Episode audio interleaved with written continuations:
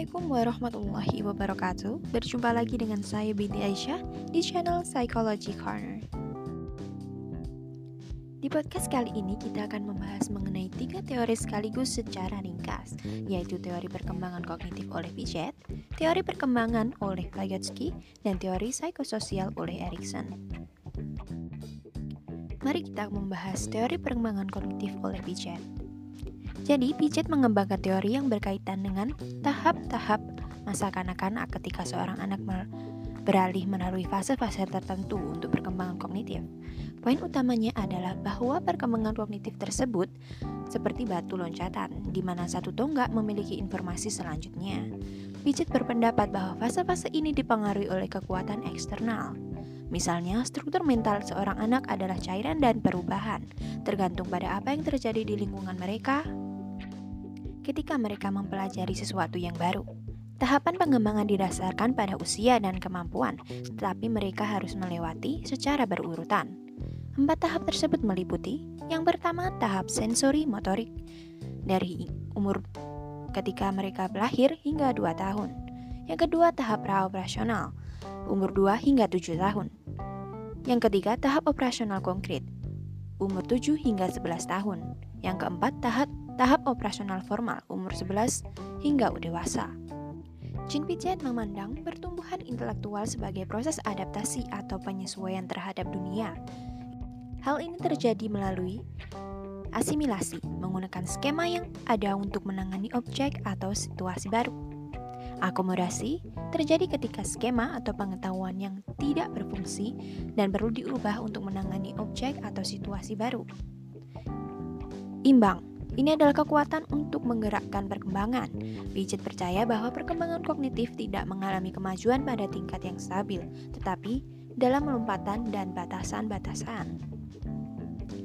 Teori Piaget telah berdampak besar pada teori-teori dan praktik pendidikan. Ini telah membantu menciptakan tampilan di mana fokus perhatian pada gagasan pendidikan yang sesuai perkembangan. Ini juga mengacu pada pendidikan dengan lingkungan, kurikulum, bahan, dan instruksi yang konsisten dengan kemampuan fisik dan kognitif siswa, serta kebutuhan sosial dan emosional mereka. Implikasi pendidikan dari teori Piaget adalah adaptasi instruksi kepada tingkat pengembangan belajar anak, yaitu penting bahwa isi instruksi harus konsisten dengan perkembangan pelajar. Selanjutnya yaitu teori perkembangan kognitif oleh Lev Vygotsky. Vygotsky adalah psikolog lain yang percaya bahwa anak-anak belajar tentang dunia mereka melalui interaksi fisik. Teori sosial Teori sosial kultural Vygotsky menekankan bahwa belajar, belajar adalah proses sosial pada dasarnya di lingkungan yaitu didukung oleh orang tua, pengasuh, dan teman sebaya. Dan berpendapat bahwa masyarakat dan budaya memiliki peran penting dalam mengembangkan fungsi psikologis yang lebih tinggi. Vygotsky mengklaim bahwa pengembangan awal diminta oleh interaksi sosial langsung, tetapi bahwa sebagai pembelajaran menjadi diinternalisasi, ada pergeseran ke tingkat individu. Bagi Vygotsky, anak-anak adalah seorang yang belajar dari membentuk kebersamaan mereka cenderung untuk memiliki pengalaman yang besar dan memahami kemampuan dan kebutuhan mereka. Dua wawasan tertentu yang diambil dari Vygotsky memiliki pengaruh penting pada pengasuhan anak. Ada tiga bagian yang dikemukakan oleh Vygotsky, yaitu zona proximal development, yang kedua scaffolding, yang ketiga yaitu bahasa dan pikiran. Vygotsky menggambarkan zona pengembangan proksimal sebagai jarak antara tingkat pengembangan aktual sebagaimana ditentukan oleh pemecahan masalah independen dan tingkat perkembangan potensial sebagaimana ditentukan menjadi pemecahan masalah di bawah bimbingan de orang dewasa dan bekerja sama dengan teman-temannya. Keterampilan yang ditampilkan dalam konsep sosial ini tidak dalam pengaturan yang terisolasi, termasuk zona perkembangan proksimal. Konsep ini menopang gagas perancah atau scaffolding, di mana yang lebih berpengetahuan atau lebih dewasa memberikan dukungan untuk mempromosikan perkembangan kognitif anak. Vygotsky memeriksa hubungan antara pengembangan bahasa dan proses pikiran juga. Dia percaya bahwa anak-anak lebih mudah uh, belajar, terutama menggunakan percakapan pada diri mereka, seperti berpikir atau berbicara dengan diri mereka, tetapi melalui tapi kemudian secara bertahap mengembangkan pidato batin atau inner speech. Diam ketika mereka memperoleh konsep mental dan kesadaran kognitif. Menurut Vygotsky, inner speech meskipun berada dari bahasa lisan, berkembang karena konsep diinseralisasi dan merupakan versi yang lebih kental dari private speech atau percakapan dengan diri sendiri. Aplikasi yang paling penting dari teori Vygotsky terhadap pendidikan adalah konsep zona perkembangan proksimal.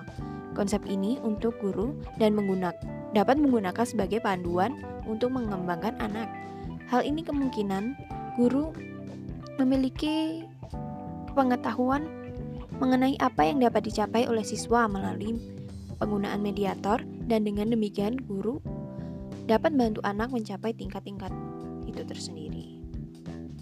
Aspek penting kedua dari Vygotsky adalah peran bermain.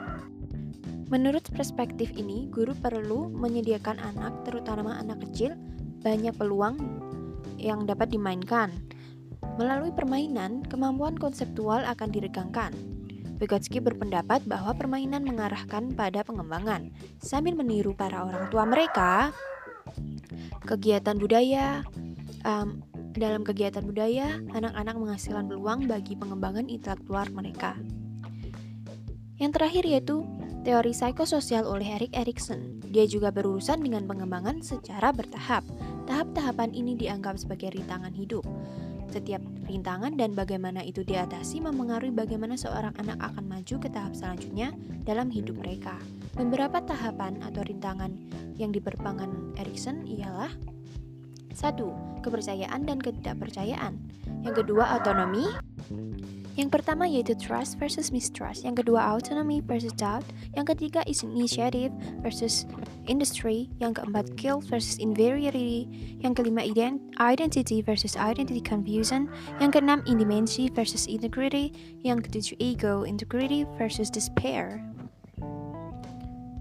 Dengan demikian, kepercayaan versus ketidakpercayaan atau trust versus Mistrust adalah rintangan pertama yang dihadapi oleh anak-anak dalam hidupnya, antara usia awal kelahiran hingga satu tahun.